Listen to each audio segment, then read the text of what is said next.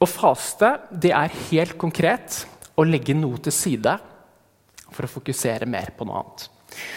I 2. Mosebok kapittel 33 så kunne gjerne lese det kapittelet når dere kommer hjem, så står det at Moses han satte opp et telt utafor campen der alle sammen bodde, hvor han gikk når han skulle be. The tent of meeting. En møteplass mellom han og Gud. Det var ikke det at han ikke gikk og mumla med Gud hver dag. Det gjorde han helt sikkert. Men når han skulle be fokusert, konsentrert, så gikk han ut av campen, ut av mylderet, ut av den pulsen, og så oppsøkte han dette teltet. Og det er Noe av det som faste handler om, er å bryte litt opp fra det mønsteret du har. Bryte litt opp fra hverdagen for å si at dette, nå bruker jeg litt mer tid på dette.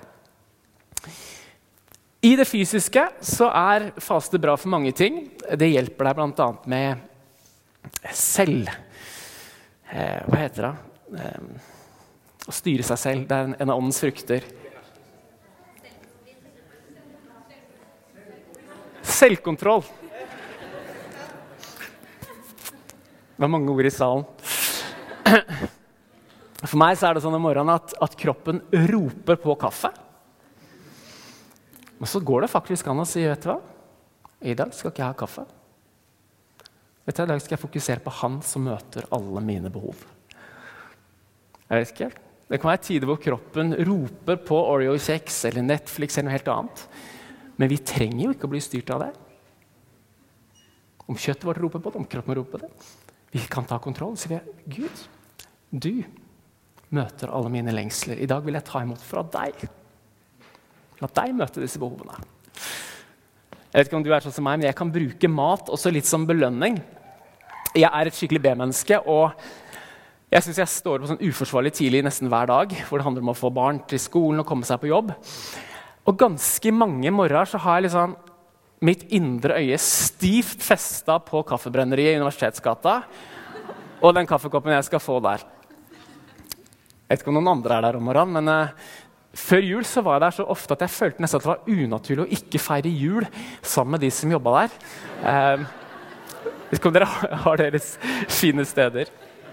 Men kanskje kan du kjenne igjen at Når du har skrevet oppgaven ferdig, du har vaska gulvet ferdig, så står det et chips eller noe og venter på deg. Fase er også å rykke vekk disse belønningene og si 'Gud, du er min lønn'. Gud, det er deg jeg trenger så står det at vi lever ikke bare av mat alene, vi lever av Guds ord. Så vil mange også oppleve at man i en periode av faste at man kan bli mer fokusert, mer konsentrert, at sanser kommer litt til liv. Og mange opplever da også at Gud kan tale klarere. I tillegg til at man har litt tid, at man på en måte gjør seg litt sårbar eller gjør seg litt, eh, litt tynnhuda for å ta imot signaler fra himmelen. Så vet vi også at det fins en åndelig autoritet i det med å faste. Vi skjønner det ikke helt, i hvert fall ikke jeg. Men Jesus sier ved, i en anledning at dette var, dere ber, men dere får ikke bønnesvar. Akkurat dette her kan ikke dere løse hvis dere ikke i tillegg faster. Det er akkurat som det legges til en kraft på bønnene våre når vi faster. Jeg pleier å si at det er som å faste med, med fet font. liksom. Du ber med fet font. Og jeg har hørt, eller jeg vet fra mitt eget liv også, at faste kan være med å bryte destruktive mønstre i livet ditt. Jeg har hørt vitnesbyrd om at på misjon f.eks. dører som åpner seg etter bønn i faste. Ekteskap som har blitt redda etter bønn og faste. Pluss, pluss, pluss. Så går det an å gå inn i en fasteperiode med helt konkrete bønne, bønnebehov. Jeg, I mitt personlige liv har jeg alltid hatt uh, uflaks når det kommer til disse typer faste.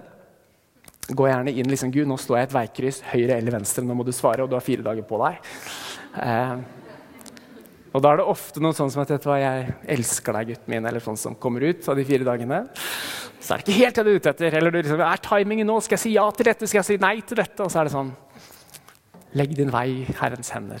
Og han får si. Eh, så kanskje akkurat den gangen her så har jeg litt lyst til å utfordre oss, til å, de av oss som har lyst til å være med, til å gjøre fasen som en tilbedelse. Du kan være spørsmål du ønsker svar på. Legg det framfor Gud, men ikke nyhold på dette ene spørsmålet. Det kan, det kan gjøre det litt, litt, vrient, rett og slett. Og så har jeg lyst til å si at Vi som kirke vi faster i to uker. Men det betyr ikke at verken jeg eller noen av dere kanskje gjør det. Eh, men du er fri til å hive deg på. Kanskje skal du faste fra mat én dag. Kanskje én helg. Kanskje skal du faste fra skjerm og sosiale medier i tre dager. Ikke bruke penger på fem dager. Men gjør noe som røsker tak i livet ditt, som får deg litt ut av den vanlige pulsen. Så skal ikke jeg overforklare det, eller vi skal ikke oversnakke om det heller, for det er en sånn reise du kan gå med Gud aleine.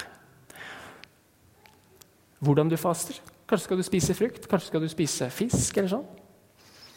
Jeg kan ikke det. Jeg må faste på vann, for jeg blir så kreativ når jeg er sulten. at jeg liksom jeg kan spise frukt. Da er det mange butikker man kan gå i og finne morsomme frukter. og Så mister jeg fokus på det. Men gjør det akkurat som du vil. Hvis du faster lenge Noen som fikk noen ideer her. Hvis du faster mer enn noen dager på vann, så kan det være smart å snakke med en som jobber i helsevesenet. Bare helt konkret om, om det. En siste ting rundt faste. Pass også på at det ikke blir loviskhet rundt det. Eh, vi faster ikke for å bli sett av Gud eller for å bli elska av Gud, men fordi vi er sett og elska av Gud. Vi ønsker denne serien her å ha litt sånn kjapp, eller ganske kjapp, eh, input i det vi gjør. Så i dag så har jeg lyst til at vi skal få med oss et gudsord. Eh, og vi skal lese fra andre krønikebok, kapittel 7, og vers 14. Den lille teksten vi skal lese nå, den kom til Salomo, kong Salomo i en drøm. Så Vi skal rett og slett nå lese fra en drøm. 3000 år gammel drøm. Da taler Gud inn til israelsfolket i en helt annen kontekst, en helt annen tid. Men så har bønnemennesker til alle tider funnet at i dette verset her, i denne teksten så fins det en slags rytme for bønn. Det fins en slags invitasjon til bønn og noen løfter for bønn. Så Selv om ikke situasjonen er helt lik, så skal jeg lese dette bibelverset for dere. Det er vers 14. Hvis da dette folket, som mitt navn er nevnt over, ydmyker seg og ber, søker meg og vender seg bort fra sine onde veier, skal jeg høre dem fra himmelen, tilgi dem syndene og lege landet. Jeg har lyst til at vi skal starte bakfra. For når vi søker Gud, så handler ikke det bare om oss, men det er et land Gud ønsker å lege. Ja, Gud ønsker å velsigne deg, ja, Gud ønsker å røre ved deg, men hans lengsel går lenger. Han ønsker å se landet, samfunnet, folk bli lega. Og vet du hva? Vi lever i et samfunn som uten å vite det desperat leter etter evangeliet. Vi topper rater på, på depresjoner, på ensomhet. Jeg leste nettopp at alkoholforbruket i landet går kraftig opp. Vi er det landet i verden som konsumer mest porno. Folk slår hodet i veggen og leter etter mening. Og Derfor har jeg lyst til å si også at det fins et alvor. Det fins et kall over oss som Guds folk som går utover vår egen salighet, som går utover våre egne åndelige prosesser. Hvis vi lever i frykt, hvis vi lever i skam, hvis vi lever i en sånn døsig hverdag av vår egen lille verden, så har ikke vi tid. Men Guds ønske og drøm er å lege oss, så vi kan få lov til å være med å lege verden. Og jeg har hatt Jeg har vært så rørt den helga her, og det er jo ikke helt Jeg er, lett, jeg er litt lettrørt. Men på fredag så, så hadde vi vår første samling med ungdomsarbeid ute i Groruddalen. Det er, det er, bare å feire. Um, da er det noen fra oss som reiser ut i Fossum kirke, et sted hvor det nesten ikke finnes forkynnende arbeid. Uh, så åpnes dørene. Det kommer ikke mange, kanskje 20 stykker i løpet av kvelden. Jeg tror flesteparten av de er muslimer. Men det er tenåringer der som blir sett og som blir elska med Guds kjærlighet. De får mat. Og så leder der Malet, det er Anette, det er Mikael og Benny, det var Andrea, det var Sunniva, som jeg så var der. Leder disse barna og tenåringene inn i tilbedelse og vitnesbyrd. Fantastisk. Er det ikke det? Og så kjører jeg fra Fossum kirke ned hit. Jeg tenkte jeg hadde lyst til å bare hilse på våre tenåringer også. Og Så kommer jeg inn døra der, og så er det knyst stille. Så jeg er helt overbevist om at uh, samlingen er avlyst eller et eller annet. For det, det var helt stille. Det er ikke helt sånn uh, merkevaren for tenåringene i vår kirke. Uh, men så blir jeg stående og se at det er lys nede, så går jeg ned trappa. Og jeg har lyst til å si det så sterkt som at idet jeg kommer ned trappa, før jeg ser folk, så kjenner jeg bare Den hellige ånd slå imot meg. Og så kommer jeg inn i rommet, og der sitter ikke mange, kanskje 14-15 tenåringer. Knust stille å høre deg, Rebekka, tale så tydelig og klart om å leve livet sitt for Jesus. Og så går man inn i lovsang og betjening, så står gutta i ring og ber for hverandre. Noen blir berørt av Den hellige ånd, vi hører litt latter i salen, noen sitter helt stille. Og midt i det her sånn, så leder Thea så fantastisk trygt og fint. Thea er ikke alene, hun har med seg Isak og Victoria. Hun har med seg Ragnhild og Benjamin og Elida også. Jeg lurer på, Kunne ikke dere som var med og starta Ung på Stovner, kunne ikke dere til å stille dere her? Og så kan dere som var med på Ung her i sentrum, komme og stille dere der. Skal vi bare be en takkebønn for dere. Kan dere klappe de fram?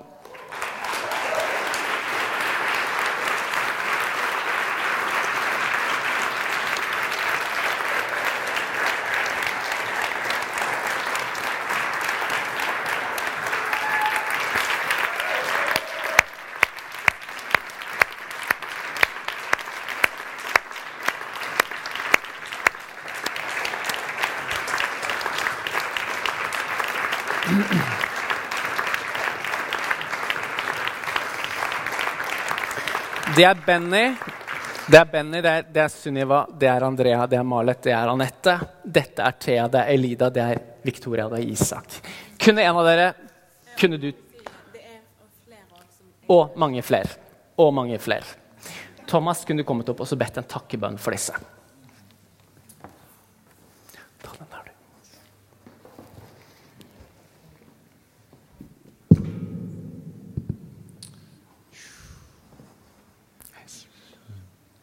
Jesus, jeg bare takker deg for disse menneskene.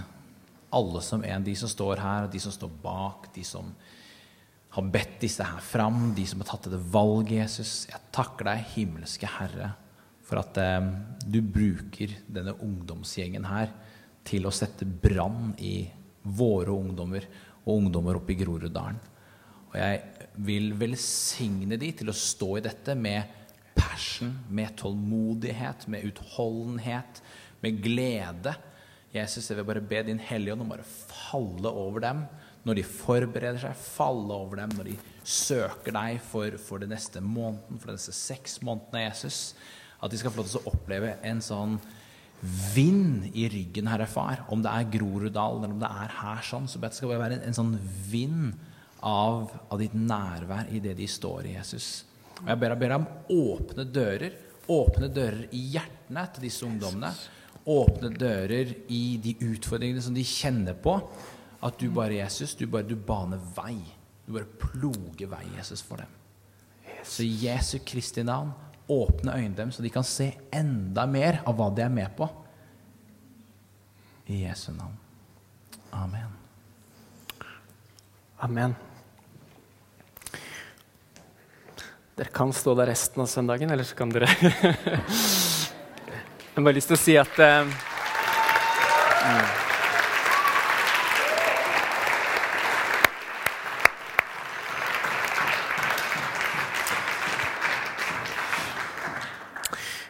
Det blir litt sånn at Man tar fram noen, så kunne man tatt fram egentlig alle her i salen. For vi tjener Gud på forskjellige måter. Men det er noe med at vi har blitt lekt, vi har fått lov til å møte Gud for å ta det videre og ta det ut. Og Det synes jeg de er gode eksempler på. Så fortsett å be for dem. Vi skal fortsette i denne teksten her, og vi, vi fortsetter bakover. Vi sa dette folket, som mitt navn er nevnt over, ydmyker seg og ber, søker meg og vender seg bort fra sine onde veier. Jeg har snakket to minutter om å søke meg og vende seg bort fra sine onde veier. Løftet er at hvis vi søker ham ikke bare hans hender, hans hjelp, hans velsignelser, mens vi søker inn mot hans hjerte, hvis vi søker å bli kjent med ham. Hvis vi interesserer oss for ham. så vil egentlig den neste leddsetningen skje av seg selv. Hvis vi får se Hans godhet, hvis vi får smake noe av livet i Den hellige ånd, så er ikke synd så fristende lenger. Du vet, Hvis du prøver å dra et sånn kjøttbein ut av en, kjeften på en hund, så må du ha krefter for å få det til. Men hvis du kommer med et enda mer sånn kjøttfullt bein, så slipper det tak. Og Det er litt sånn med synd i våre liv også, at vi niholder på ting inntil vi får noe som er bedre. Og evangeliet er bedre. Og så skal vi heller ikke være naive. Jeg tror fristelser og synd kommer til å banke på døra mi til jeg dør. Kanskje dere så. Vi skal ikke være naive. Det er noe som heter deliverance, og det er noe som heter discipline, og det er tvillinger som trenger hverandre. Altså deliverance At Gud bryter inn, kan bryte mønster i ditt liv, redde deg fra synd. Så er det noe som heter disiplin, som handler om å ta de gode valgene der. Men det har Gud lyst til å hjelpe oss med. Hvis du står akkurat nå og kjenner at jeg kjemper så mye med synd, at det er hovedfokus i livet mitt, eller i mitt åndelige liv, at dette tar meg, jeg blir ikke fri, det sitter fast, eh, så har jeg lyst til å si at Gud, Gud kan ta det med. Jeg har også lyst til å si det var et råd som min tidligere ungdomspastor ga til vi var en gruppe som var sammen. Så sa han dette er ikke veldig åndelig, men han sa at vet du hva? Fokuser litt mindre på den synd du kjemper med, og pass på å fylle timeplanen din med gode ting. Vet du, hvis du sitter og forbereder hva du skal dele på huskirka neste dag, så er tankene dine opptatt med noe annet. Hvis du engasjerer deg for andre mennesker, hvis du inviterer folk inn i livet ditt, hvis du går sammen med noen som trenger deg, hvis du hvis du fyller kalenderen din, i hvert fall kapasiteten i hodet og hjertet, med mye godt, så kan det være med å kvele også det onde. Så hvis vi søker Han og omvender oss fra synd, så er det en del av løftet at Han skal tilgi oss og lege vårt land og det vi står overfor. Men Jeg har lyst til å stoppe opp ved den første setningen. Hvis dere ydmyker dere og ber, og jeg tror at her ligger nøkkelen. Hvis vi ydmyker oss og ber.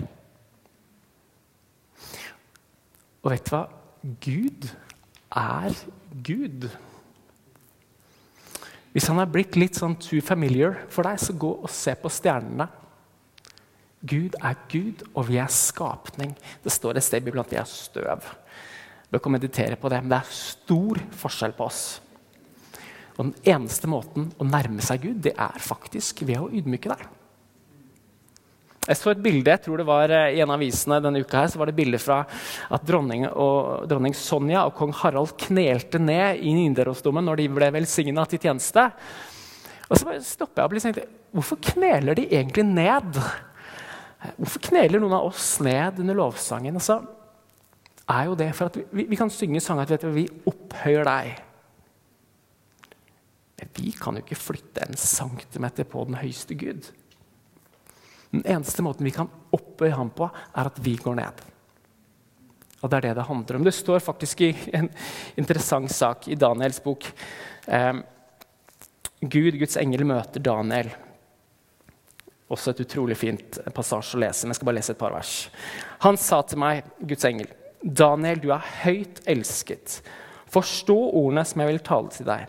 Reis deg opp, for nå er jeg sendt til deg, sier Gud. Da han talte disse ordene til meg, reiste jeg meg skjelvende opp. Så sa han til meg, vær ikke redd, Daniel. For fra den, fra den, første dagen du viet ditt hjerte til å vinne innsikt, og fra den dagen du ydmyket deg for Gud, er ordene dine blitt hørt, og på grunn av ordene dine har jeg kommet. Det er noe med ydmykhet som tiltrekker seg Gud. I første Mosebok sånn ca. 30 eh, så møter vi Jakob i en nesten sånn mystisk tekst om at Jakob kjemper med Guds engel. Kanskje i evigheten så vil vi forstå litt mer av den teksten. Men Jakob, han, Jakob betyr luringen, tyven, det navnet. Og han fikk ikke det navnet uten grunn, for det setter også ord på karakteren hans. Eh, som helt ung så, så røver han førstefødselsretten fra broren sin. Det handla ikke bare om en litt sånn tittel, men det handla om arv. det om mange ting. Han rev rett og slett broren sitt liv i stykker. Og Så rømmer han, og så møter han etter Laban, som skal bli hans svigerfar. Han lurer Laban. Han får to koner, elsker den andre, hater den andre. Og nå står han eh, og skal møte Esøv, denne broren som han har ødelagt livet til. Han er livredd. og Istedenfor å gå og møte broren sin ansikt til ansikt, så sender han alle andre foran seg. Og Denne kvelden har han også sendt kona og barna foran seg for å se hvordan det går med dem. Og så kommer Guds engel til ham. Og så står det at de begynner å kjempe. Jakob vil ha Guds velsignelse, men Guds engel vil ikke gi denne velsignelsen til Jakob. Og så går natta, og så spør Guds engel hvem er du Hvem er du egentlig? Jakob har kunnet leve på at han var barnebarn til Abraham, at han var sønn til Isak. altså han, Familien til, til Jakob styrte denne skuta. Det var dem. Hvem spør hvem jeg er? Og så kommer det til punktet hvor Jakob må si vet du hva? Jeg er han tjuvradden, jeg er han luringen som har lurt alle mennesker gjennom hele mitt liv og kommet dit jeg er i dag. Og i det øyeblikket Jakob sier 'Dette er sannheten om mitt liv', så velsigner Guds engel ham, og så får han et nytt navn. Og så endres historien der. Det er noe med at Guds velsignelse treffer ærlighet og ydmykhet. Vi var noen pastorer som var samla nå på torsdag for å planlegge litt rundt Descend. Det kommer en svær happening det året her ute på Fornebu Arena. Vi snakker om mange mange tusen mennesker som skal samle seg til en konferanse med fokus på disippelskap og misjon. Vi kommer til å snakke mer om det her i kirken også. Eh, men det som er litt interessant er at Uka før Descend så kommer det masse kristne mennesker til Oslo som har satt av den uka til å evangelisere.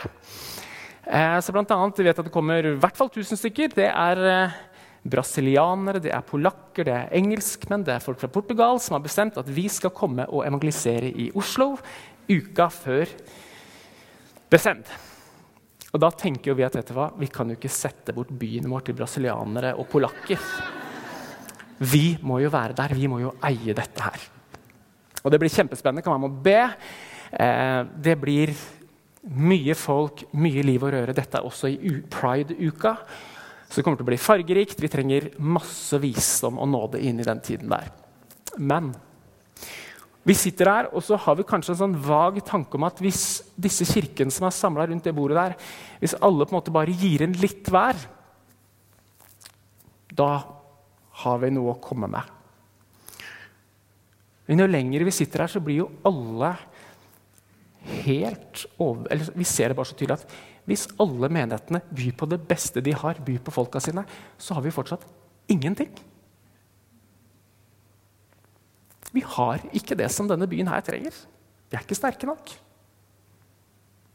Av og til så preker vi den teksten hvor Jesus metter 5000. Vi preker det som om hvis alle bringer sine ting til torget, så smeller det. og blir bra. Sånn er, sannheten er jo at de brakte det de hadde. To fisker og fem brød, eller motsatt. Og Det er bare beviset på at de hadde jo ingenting å komme med. De var et desperat behov av et mirakel. Det er jo det denne historien forteller. Og Det er jo det som er settingen i denne byen. At vi kan slenge alt vi har sammen, men vi er et desperat behov av et mirakel. Og Ydmykhet er at vi tar den sanden inn i vårt eget liv. Ja, vi er kanskje bedre enn naboen på noen ting. Ja, vi har kanskje fiksa noen ting. Men hvis vi legger sammen alt det gode i livet vårt, så er vi fortsatt desperat behov for frelse.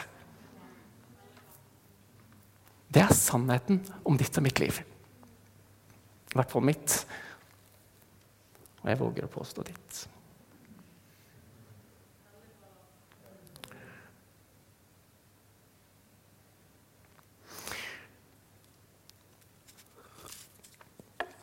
Disse inputene skulle være korte, så jeg skal runde av nå. Men kanskje kan det være en, en, inngang i denne uka her.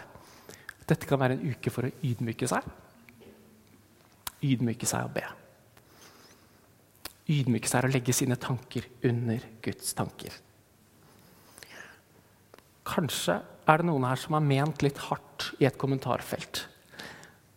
Du mente egentlig å stå opp for noe, og så endte du med å stå opp på noen og trykke noen andre ned. Kanskje er det en tid for å ydmyke seg.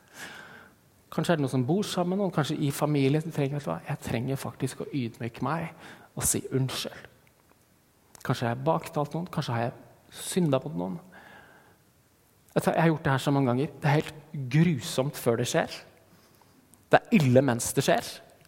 Og så er det kjempebra etter at det skjer. Så jeg utfordrer deg. Hvis du kjenner at du blir minnet om ting, vet du, tør å ydmyke deg. Det er så bra etterpå. Ta løpefart inn i det. Så er det også sånn Hvis du blar i Bibelen, at de menneskene som Gud bruker, det er ofte mennesker som har blitt knust, eller som har blitt ydmyka. Vi snakker om Jakob her. Tenk på Moses. Født i et slott. Verdens beste utdanning, de flotteste klærne. Alt på stell. Sitter rundt de viktige bordene.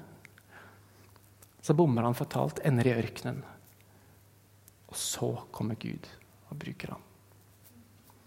Tenk på Paulus også, som har store ord. Han, han ble kasta av hesten, gjort blind.